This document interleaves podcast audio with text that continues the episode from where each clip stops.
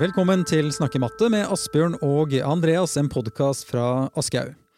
I dag skal vi snakke om eh, noe som mange eh, tenker på, spesielt eh, når de går i tiende klasse. Ja, egentlig både lærerne og elevene. Og vi skal ha to episoder om dette, Asbjørn. Selvfølgelig eksamen. Det skal vi. Og vi skal spesielt konsentrere oss om det som vi kan kalle for de åpne oppgavene på eksamen. Eh, på slutten av eksamen så er det ofte noen oppgaver som er mer åpne enn de andre.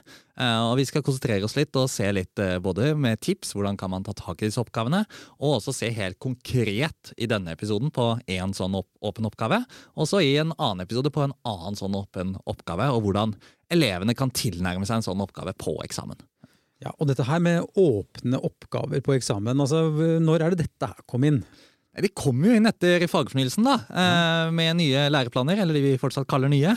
Ja. Eh, så har vi fått litt ny eksamensform. Eh, den er endret. Del én består nå av inntil én klokketime. Har blitt mindre enn var før. Mens del to er resten av eksamenstiden, og hele eksamen varer da i fem timer. Og så er det på slutten av del to at du finner disse åpne oppgavene. Og det har vært to åpne oppgaver på hver eksamen fram til nå. Eh, og på det tidspunktet hvor vi spiller inn denne episoden nå, så har ikke eksamensveiledningen for 2024 kommet. Men det er naturlig å tro eh, at eksamen i 2024 vil ligne på eksamen i 2023. I hvert fall i liksom form og oppbygging. Vil du si at det har vært eh, suksess, eh, den type eksamen som har blitt gitt nå de siste årene? Det tror jeg det er ganske delte meninger om. Eh, det er mange elever som syns det har vært ganske sånn krevende, og spesielt hvis man ikke har fått lagt om undervisningen helt enda eh, til eh, LK20 og jobber på en måte litt mer sånn tradisjonelt, så er det mange elever som vil synes at eksamen er særlig vanskelig. Men jeg synes at eksamen speiler den nye læreplanen ganske godt. Man ser tydelig kjerneelementene igjen i eksamensoppgavene. Og så er det nok litt sånn at man må finne formen, og det er ikke alle oppgavene som har vært laget som jeg tenker at har vært suksessoppgaver, men det kan vi kanskje ikke forvente med en gang eh, heller. Eh, men jeg tror at på sikt så vil dette bli en god eksamensform, der elevene får vist fram sin kompetanse eh, på ulike områder. Men så er det kanskje noen deler av kjerneelementene som er vanskeligere å vise på en skriftlig prøve, f.eks. dette knyttet til utforsking. og er det hensiktsmessig å måle og vurdere på den måten vi gjør nå? Det er nok et litt åpent spørsmål som vi kanskje må komme tilbake til når vi har fått prøvd ut litt mer. Mm. Jeg ser for meg at uh, de elevene som har tatt eksamen disse årene, og spesielt de første, da, som ble presentert for disse nye typer oppgavene, og da plutselig fikk nytt, en ny læreplan slengt i fanget, så kan det ha vært ekstra utfordrende. Er det, håp, er, er det sånn å forstå at man om noen år, da, kanskje om fire, fem, seks år, så ser man elever som kanskje har enda bedre tak på denne type eksamen? Det vil jeg tro. Uh, absolutt. Og det har jo egentlig bare vært én sånn eksamen fram til nå. Det vil si det ble laget en eksamen også i 2022, men den ble aldri gjennomført pga. Mm. Uh, koronabegrensninger og avlyste eksamener. på en måte. Uh, men uh, i fjor så var det første eksamen som vi faktisk hadde elever som hadde eksamen. Og så blir det ny eksamen i år, da. Og så er det et litt sånn åpent spørsmål, og Udir har vel vært ganske tydelig på at programmeringsoppgavene vil øke i vanskelighetsgrad etter hvert, sånn at de har begynt litt sånn snilt på, ja. med tanke på programmeringa. Så hvordan det vil slå ut med tiden, er også litt sånn åpent uh, spørsmål, uh, som tiden vel vil vise, da. Mm. Vet vi noe om uh, hvordan det gikk på forrige eksamen, eller hva er inntrykket ditt, da, hvordan elevene taklet eksamen? Veldig variabelt. Uh, og jeg tror det som er viktigere enn før, er at elevene må få satt i gang og få skrevet noe. Selv om de ikke nødvendigvis vet akkurat hvordan de skal løse oppgaven, så kan de få vist ganske mye kompetanse på en del av oppgavene ved å på en måte bare få skrevet ned det de vet, gjøre noen beregninger, Eh, det er mulig å få vist mye kompetanse uten at man løser selve oppgaven. Og Sånn har det kanskje ikke vært tidligere, så dette er et viktig sånn skifte og omveltning som vi må få både elevene og lærerne med på. Og elevene må trenes i det. At de må svare og argumentere. Eh, og så har det kanskje blitt litt mer sånn norskfagpreg over det, i den forstand at det å bygge opp en god tekst, en god struktur, innledning, hoveddel, avslutning. altså Det er en del sånne type ting mm. som blir viktig for å få vist fram kompetansen sin. Mm. Og så kan man jo være litt sånn kritisk til er det riktig. Er det det vi skal måle i matematikkfaget? Eh, på en måte? Er det klokt? Og Jeg tror ikke vi skal gå inn i den, den debatten nå, men det er nok åpne spørsmål som det er mange som tenker rundt, og som diskuteres mye på, på Facebook og andre steder. Mm. Ja, for kjerneelementene de, jo, de, ser ut til å være helt sentrale da, i disse åpne oppgavene. Og vi, vi, vi kan jo gå litt mer sånn konkret uh, inn i det, hva man ser etter av eh, kompetanse her. Ja, ved eksamen i fjor så sto det jo en uh, tekst innledningsvis i, på del to av eksamen, hvor det står ikke sant, i disse oppgavene vil vi se etter din kompetanse i Å, og så fire punkter. Og Det første punktet det handlet om å vurdere hva du vil utforske, og formulere matematiske spørsmål knyttet til innholdet i oppgaven.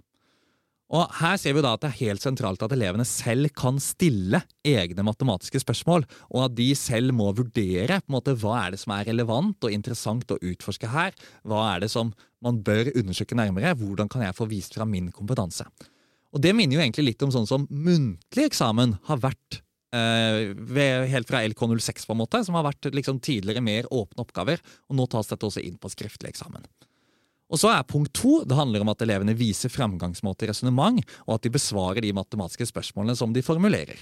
Så Det betyr egentlig bare at de skal løse eh, og finne ut av de problemstillingene som de selv formulerer innledningsvis. da. Og så er Punkt tre det er om de kan bruke hensiktsmessige hjelpemidler. Og det vil jo kunne være selvfølgelig notater og den type ting, men først og fremst her så tenkes det på regneark og type graftegner, eller da geogebra. At man kan bruke det til å tegne funksjoner. Eh, eventuelt også det å bruke programmering inn som et hensiktsmessig hjelpemiddel. Hvis man klarer det, og får brukt flere av disse på eksamen, så tenker jeg at det helt soleklart er positivt for vurderingen av elevens besvarelse. Vet elevene dette her? At eh, vi ser etter at de bruker alle disse mm, hjelpemidlene? Godt spørsmål. Altså det, de vet jo i den forstand at det står jo faktisk i eksamensoppgaven ja. eh, innledningsvis denne teksten, men mm. om elevene forstår hva denne teksten i praksis innebærer, hvis ikke vi som lærer hjelper dem til å forstå det, ja. det tror jeg ikke. Så dette er noe som vi bør bruke tid på sammen med elevene og snakke om, og de bør trenes i denne type oppgaver. Mm. Og, og, det siste punktet her, da, punkt fire, det handler om at elevene skal argumentere for løsningene sine og gjøre kritiske vurderinger.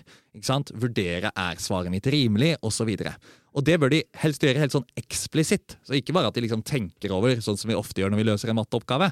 Har jeg kommet fram til et svar som gir mening? Ja, ok, det har jeg, da gjør jeg ikke noe mer med det. De bør faktisk kommentere det. Dette svaret synes å gi mening for meg fordi bla, bla, bla. Ja. Ikke sant? Altså, De bør være helt sånn eksplisitte i de valgene de gjør, og også helt eksplisitte i hvilke spørsmål de stiller.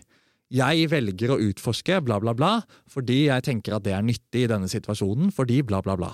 Ikke sant? At man eh, trenes i denne måten å sette opp en god struktur på. da. Mm. Og det må øves over tid. Ja. Det der er ikke bare bare, altså. Det hørte det nå når du sa det, at de, de, må virkelig trenes. Men her har jo vi lærere en ganske massiv oppgave, tenker jeg, da. Uh, I å instruere og hjelpe dem. Absolutt, og jeg tror at uh, mattefaget kan ta mye inspirasjon uh, fra på en måte norsk- og engelskfaget, som i hvert fall tidlig opplæring bruker mye skriverammer, eller det som på engelsk ja. kaller for scaffolding, ikke sant? stillasbygging.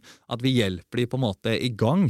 At vi kanskje skriver noen setningsstartere til dem, osv. Og, så og jeg tror at elevene vil ha stor glede av å ha den type ting også tilgjengelig eh, når de skal løse en sånn type oppgave som det her. da. Mm. Og det å ha tilgang på gode løsningsforslag på tidligere oppgaver av samme type, det vil også være veldig verdifullt for å se hvordan man kan bygge opp en sånn god besvarelse. Mm. Og så er det jo sånn Asbjørn, at det, dere hjelper oss eh, lærerne der ute i, eh, i Aschehoug. Du har jo skrevet Matemagisk, som vi har nevnt eh, noen ganger. Men du og er det medforfatterne som har skrevet en slags, en slags oppskrift her. Den heter 'Hjelp, jeg skal ha eksamen'. Ja. Det er litt sånn 'Hjelp, jeg skal på juleferie'. Jeg husker de filmene der. De var fine. Men her er 'Hjelp, jeg skal ha eksamen'. Ja, Vi har prøvd å lage en litt sånn eksamenstreningspakke, da, der elevene skal få litt sånn hjelp hvis de ja. føler nå 'oi, shit, nå skal jeg ha eksamen', hvordan skal dette gå i matte, liksom. Og en av de delene som man finner der, det er tips når du arbeider med åpne oppgaver. Og jeg tror ikke det er noe liksom sånn ferdig oppskrift, gjør sånn, gjør sånn, gjør sånn etter hverandre. Det tror jeg ikke vi kan gi på disse åpne oppgavene, for de er såpass forskjellige. Men det er en rekke med tips da, eh, som er ting som elevene kan tenke over når de får en åpen oppgave, og det er spørsmål på en måte de kan stille til, eh, til seg selv. da. Uh, og Det første vi har skrevet på den lista, er jo rett og slett start med å stille relevante spørsmål til informasjonen du har fått oppgitt. Mm. Ikke sant? Tenk, hva lurer du på? Så enkelt som det. Og så prøver du å skrive opp hva lurer du på. Ok, da er du i gang, og så skal du begynne å jobbe med, jobbe med de spørsmålene. Ja. Mm. Og det er jo ganske mange punkter uh, nedover her. Og så, uh, dere har jo da noen, du, Dere nevner jo regneark, GeoGebra, uh, programmering. Og så, skriver dere også har du jobbet med lignende problemstillinger tidligere. Er det altså da å eh, hente eh, tidligere kunnskap eller kompetanse? da? Ja, og rett og slett også har du liggende noen tidligere besvarelser som ligner på denne oppgaven her. ikke sant? Mm. Noen av disse oppgavene de, eh, de, ligner jo på hverandre, i hvert fall i den forstand at de, noen handler om abstraksjon og generalisering. Vi skal se på et eksempel på det etterpå. Noen handler om modellering og anvendelse. Vi skal se på et eksempel på det i neste episoden. Mm. Og det er klart, Får du en oppgave hvor det står denne oppgaven handler om modellering og anvendelse, og du tidligere har en oppgave hvor du har jobbet med modellering og anvendelse, så er det ganske sannsynlig at du kan bruke mye av liksom strukturen og grunnoppsettet i den oppgaven, også i den du skal løse nå, selv om kanskje informasjonen du har oppgitt, er litt annerledes og litt forskjellig. Mm. Uh, så det gjelder på en måte å, uh, å hente opp Har jeg noe som ligner, som jeg kan få hjelp av, så jeg slipper å finne opp alt uh, fra bunnen av. Mm. Noe, altså jeg jeg syns jo det er ganske mange begreper uh, når det gjelder disse, denne eksamen her. Altså dette med f.eks. abstraksjon og generalisering, utforsking.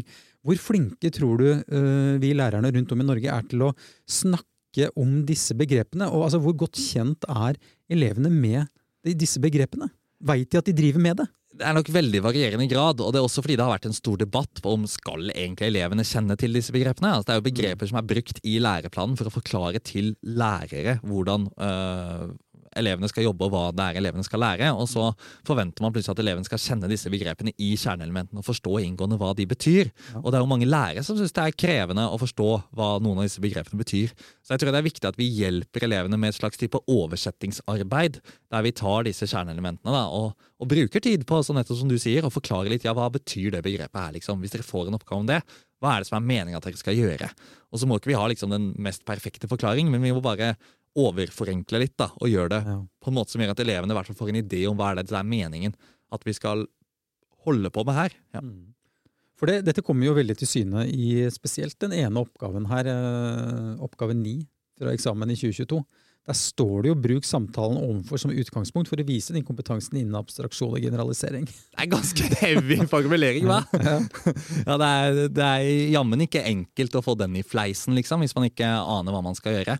Og For å fortelle litt mer om oppgaven, da, så er det fire personer her som har en uh, samtale som handler om et generelt mønster. da. Hvor den første personen sier 'Jeg har funnet ut at tre opphøyd i a-en er det samme som fire ganget med to' og så pluss én. Og Så sier nestemann ja, det stemmer for fem i annen også. Fem i annen er det samme som seks ganger fire pluss én. Og allerede her, da, før vi går videre nå, så er det jo interessant å tenke over Person to sier det stemmer for fem i annen også. Altså Da mener man at det må være noe likt mellom den første påstanden og den andre påstanden. Og En av de første tingene som elevene bør prøve å finne ut, er jo hva er det som er likt mellom disse to påstandene. For bare det i seg selv er jo en generalisering. Ja. Vi har generalisert noe. Og tingen her er jo at hvis du på en måte du har et tall som du har oppi dianen, f.eks. ti oppi dianen, så er det sånn at hvis du tar én bort fra det tallet, fra ti til ni, og så tar du og legger til én til det tallet, fra ti til elleve, og så ganger du sammen de to tallene i stedet, så blir svaret alltid én mindre enn hvis du tar ti ganger ti. Mm. Så ni ganger elleve pluss én er det samme som ti ganger ti. Og det er liksom denne påstanden generelt, da. Eh, n ganget med n er det samme som én mindre enn n ganget med én mer enn n, og så pluss én. Eh, og bare å oppdage det, at det er det som er resultatet her, det er jo eh, en første ting i generaliseringen. Og så kommer jo tredje personen. ikke sant? Interessant, vil dette alltid stemme? Og da må man jo undersøke, da. Ja, er det faktisk sånn at det alltid stemmer? Eller var det flaks at dette gjaldt for tallet tre og for tallet fem, men kanskje ikke gjelder for tallet åtte, f.eks.? Mm. Og Så må man overbevise seg selv. Tror man at det stemmer, eller tror man ikke at det stemmer? Og Hvis man tror det stemmer, så må man jo prøve å argumentere for hvorfor dette faktisk stemmer. Og Da kommer jo denne kompetansen i abstraksjon og generalisering eh, ytterligere til syne. Mm. Så har jo eh, en som eh, sier her Vil dette bety at fem i annen også kan skrives som parentes sju ganger tre parentes pluss én? Ikke sant? Uh, og det som den personen har gjort, er jo at i stedet for å ta bare én mer og én mindre fra fem, sånn at du får seks ganger fire i stedet for fem ganger fem, så har den tatt to mer og to mindre fra fem. Sånn at fem pluss to blir sju, og fem minus to blir tre. Og funker det da også? Sju ganger tre pluss én, blir det det samme som fem ganger fem? Og det viser seg jo at det blir det jo ikke. Det kan man jo bare regne ut og si at det stemmer jo ikke. Og da kan man jo, noen elever vil bare si ok, hun tar feil, liksom, uten ja. å ta noe mer eh, på det liksom, og utforske det noe nærmere. Men hvis man utforsker det litt nærmere, så kan man jo finne ut at det du må legge til da, på slutten, altså denne pluss énen, ja, det er det du har økt med, og det du har redusert med, ganget med hverandre. Liksom som Hvis du tar fem og øker til sju, og fem og senker, reduserer til tre, så har du lagt til to og tatt bort to. Ja, På slutten da, så må du legge til to ganger to, mm. som er fire. Sånn at for eksempel ti oppi de annen vil være det samme som hvis du tar to mer enn ti, som er tolv, og to mindre enn ti, som er åtte. Så tar du åtte ganger tolv, og så må du da legge til to opphøyd i annen. Mm. Og hvis du øker med tre og tar ned med tre, så må du legge til tre opphøyd i annen på slutten for at det skal bli det samme. Og dette er jo egentlig et resultat fra det som i matematikken kalles for konjugatsetningen. da, mm. uh, Som er et eget resultat som man kan, man kan, lære om, men som man fint kan utforske her uten at man har lært helt eksplisitt om det resultatet i opplæringa. Mm. Noe som slår meg da, som barneskolelærer her. Ja. Når, eh, det, må, det, må, jeg innrømme. Altså, jeg, det, jeg, har jo ikke dette her innunder huden, alt det som skjer, eh, skjer, på ungdomsskolen. På ingen måte. Jeg har aldri undervist i ungdomsskolen engang. Nei, nei. Så, så, men jeg bare ser for meg at det med å vurdere disse besvarelsene mm. Der må vi ha tunga rett i munnen. Og vi må virkelig være bevisst på hva vi eh, ser etter her. Ja, det er helt klart. Og det er mange måter man kan vise kompetanse på her. Det er ikke sånn at man må beskrive dette med algebraiske uttrykk for å ha vist kompetanse innen generalisering. Man kan uh, vise det på, på, mange andre måter også. Og det er ganske krevende å vurdere disse besvarelsene. Og Derfor så tror jeg at uh, lærerkollegiet trenger å bruke tid på å finne ut hvor ligger lista egentlig. Hva er det vi forventer av elever på dette nivået? Og nå er det jo sagt at i eksamensveiledningen, når den kommer, så vil den inneholde eksempler på besvarelse på høyt nivå, på middels nivå og på ja. lavt nivå på disse oppgavene. Så man kan se det i eksamensveiledningen. Og det var det også i fjor på, på disse oppgavene. sånn at det ligger noen føringer der i hva eh, UDIR, eller de som har laget eksamen, har tenkt at er tilstrekkelig for å få vist lav, middels og høy kompetanse. Mm. Og så vil det sikkert bli eh, opp til diskusjon, og dette vil sikkert utvikle seg over tid, hva vi tenker rundt det. Men det er i hvert fall viktig at eh, det er mange ulike ting elevene kan utforske her. Og det er ikke bare én vei til rom eh, som løser den oppgaven på en fullgod måte. Det er mange ting elevene kan gjøre og få full uttelling på oppgaven. Og så er det sikkert en fin greie i personalet også, altså, eller blant uh, matematikklærerne, å diskutere dette. Altså sette av tid til å være en god besvarelse, og, bruke, og, og spare litt med hverandre. Da. Ja, og det er veldig kompetanseutviklende å bare jobbe med sånne oppgaver selv, og prøve liksom, ok, mm. hva er ulike måter man kan løse denne oppgaven på. For det, det fins mange ulike tilnærmingsmåter her, og det er viktig når vi veileder elevene, at vi klarer å velge en tilnærmingsmåte i møte med eleven som den har forutsetninger for å kunne mestre. Mm. Fordi noen elever kan gå rett på å generalisere med algebraiske uttrykk og sette opp formler og hei hvor det går, og andre elever vil ikke være i stand til det, men kan likevel resonnere godt med utgangspunktet i denne oppgaven og få gjort ganske mye. Men de må komme i gang og få gjort noe. Mm. Ja. Altså, det er et uh, løsningsforslag her, da, uh, med, med tegning ja. og resonnering. Det, det, er du som har lagd den her? Eller? Ja, jeg som har satt opp den lille, ja. lille tegninga her. Ja. Fortell om den. Ja, nei, altså, Hvis vi ser for oss at vi har et kvadrat nå, og i hodet ditt kan du godt se for deg et fem ganger fem kvadrat. ikke sant? Og Det viser jo dette fem opphøyd i annen. Fem ganger fem. Det er 25 ruter der. Og så skal vi vise at det er det samme som seks ganget med fire, og så pluss én. Det er det som er oppgaven vår. Og Hvis vi tar utgangspunkt i dette fem ganger fem kvadrater, så tar vi den øverste raden, altså med fem brikker, om du vil. da. Og så tar vi de brikkene, og i stedet for at de står bortover på en rad, så tar vi de på en måte bort, og så snur vi de 90 grader, så de står nedover i en kolonne. Og så plasserer vi den til høyre. Um, vi flytter på en måte bare brikkene. Fra at de ligger øverst i kvadratet, så tar vi de i stedet ned til høyre og setter de til høyre for de brikkene som står igjen. Ja. Og da vil jo, på den figuren vi har fått nå, så vil jo høyden oppover Den vil eh, på alle de andre brikkene bare være fire. Fordi vi har jo tatt bort den øverste raden, så det har gått fra fem til fire. Eh, mens bredden bortover den har jo økt med én. Vi har satt brikkene på på høyresiden der. Eh, så den har gått fra å være fem til å bli seks. Så da har vi fått fire ganger seks. Og så er det jo bare det at fordi vi tok fem brikker fra toppen, den øverste raden, og satt til høyre, så vil jo de brikkene fortsatt være fem høye, mens alle de andre er bare fire høye. Og Det betyr at vi har fått én brikke til overs, den brikka som nå står øverst til høyre. Ja. Og det er den ekstra brikka. Og Hvis du tegner dette, kan det være litt krevende å se for seg bare når vi snakker muntlig om det. da. Men hvis du tegner dette, så har du altså at fem ganger fem brikker kan gjøres om til seks ganger fire brikker, pluss den ene brikka øverst. Mm. Og dette kan vi generalisere hvis vi hadde hatt et ti ganger ti kvadrat. så tar vi den øverste raden i 10 ganger 10-kvadratet. Det er da ti brikker som vi snur rundt og setter til høyre i stedet. Så får vi et 9 ganger 11 rektangel med én brikke ekstra øverst til høyre hjørne. Og sånn her blir det alltid. Du får alltid én brikke til overs, nettopp fordi at du tar bort én rad, som da vil inneholde én brikke mer enn alle de andre kolonnene som er igjen i den figuren som Mm. du endrer fra. Er det høyt nivå, vil du si, å kunne lage en sånn type tegning, figur, som dette? Absolutt, fordi denne er jo eh, helt generaliserbar. Ja. Det er ingenting her som på en måte ikke er en eh, fullgod generalisering. Vi har ikke beskrevet den med algebraiske uttrykk, som kanskje vil være enda mer sånn på abstraksjon, kan vi si. Men samtidig, hvis man klarer å beskrive dette generelt, og at man klarer i forklaringen og resonnementet sitt å gå fra den konkrete fem ganger fem-figuren til å si noe om at ja, men det må jo bli sånn her uansett hvilket kvadrat jeg hadde startet med. Ja. Hvis man klarer det, da er vi på høyt nivå. Mm. Men, men vi må ha med det uh, for at det skal være liksom virkelig høyt nivå. Hvis ikke så vil det selvfølgelig være bra for å vise fem i annen er lik seks ganger fire pluss én. Men det kan man også bare vise med tall. på en måte. Så den figuren må jo tilføre noe merverdi i det at vi har på en måte forstått noe av generaliseringa og forklart å forklare noe om hvorfor blir det sånn her, og hvorfor vil det alltid funke. Uansett hvilket tall du tar, så kommer dette til å funke. Mm. Du har jo da løsning med algebraiske uttrykk, og så har du utvidelser, ser jeg her. Ja, og den utvidelsen er litt sånn inne på den der siste personen snakkebobla snakket om. ikke sant? Hva hvis du tar sju ganger tre i stedet Ja. for seks ganger fire? Hva skjer da? At man kan stille nye spørsmål til oppgaven. Og det vil på en måte alltid være en kunst i de oppgavene her, hvis man vil på en måte vise kompetanse på høyt nivå. Klarer jeg å stille noen relevante matematiske spørsmål som er en naturlig utvidelse av denne oppgaven? Og I denne sammenhengen vil jo det være å utforske ja, ok, hvis jeg ikke bare går opp med to og ned med to, hva hvis jeg går opp med tre og ned med tre?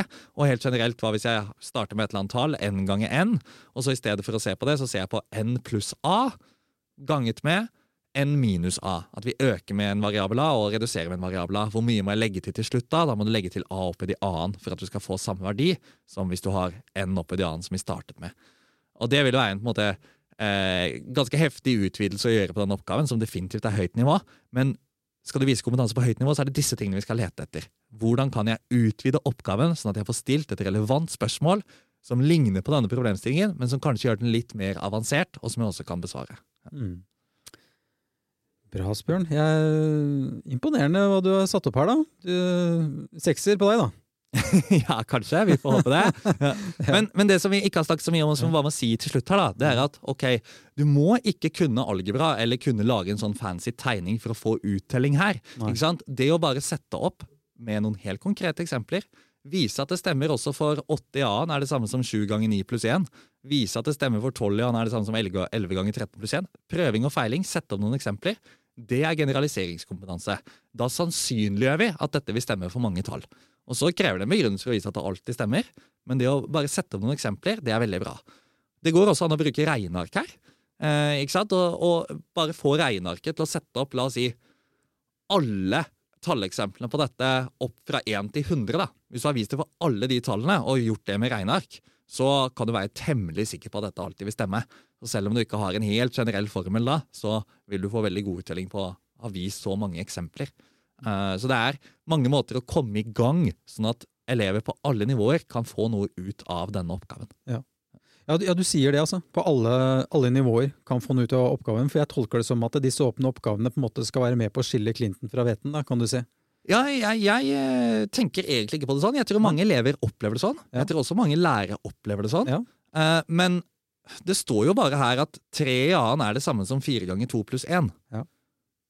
Og jeg tror så godt som alle elever som går på ungdomsskolen, kan klare å regne ut tre opp i annen. Det håper jeg i hvert fall. Det blir ni. Og så kan de regne ut fire ganger to pluss én og si at ja, men det blir jo også ni. Ja, det stemmer.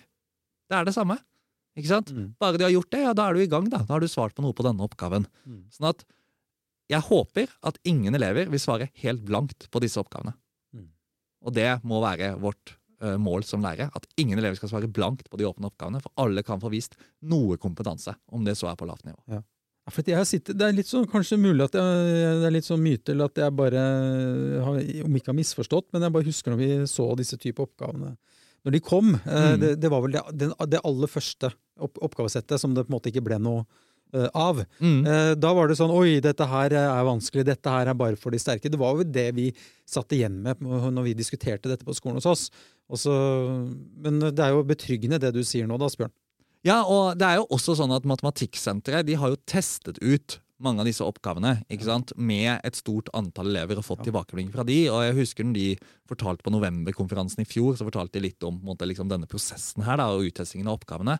Og da sa de jo det at elevene på lavt nivå får til mye mer enn det lærerne tror at elevene på lavt nivå får til på disse oppgavene. Ja.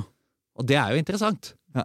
Ja, Kjempeinteressant. Lærerne tror at elevene på lavt nivå vil ikke få til noe her, men så viser utprøvingen at elever på lavt nivå får faktisk til noe her, så lenge de kommer over den terskelen at de kommer i gang og begynner å gjøre noe. Og Det er så viktig at vi hjelper dem å komme over den terskelen og komme i gang, så de Mm. får gjort et eller annet. Og da får de ofte vist noe av det de kan. Mm. Supert, Asbjørn. Eh, sånn til slutt, det viktigste nå, tenker du eh, om eh, ja, selve liksom, ja, eksamensformen og dette med åpne oppgaver. Du var litt innpå det nå, egentlig. Jeg syns det var veldig fint med det at vi skal ha trua på alle.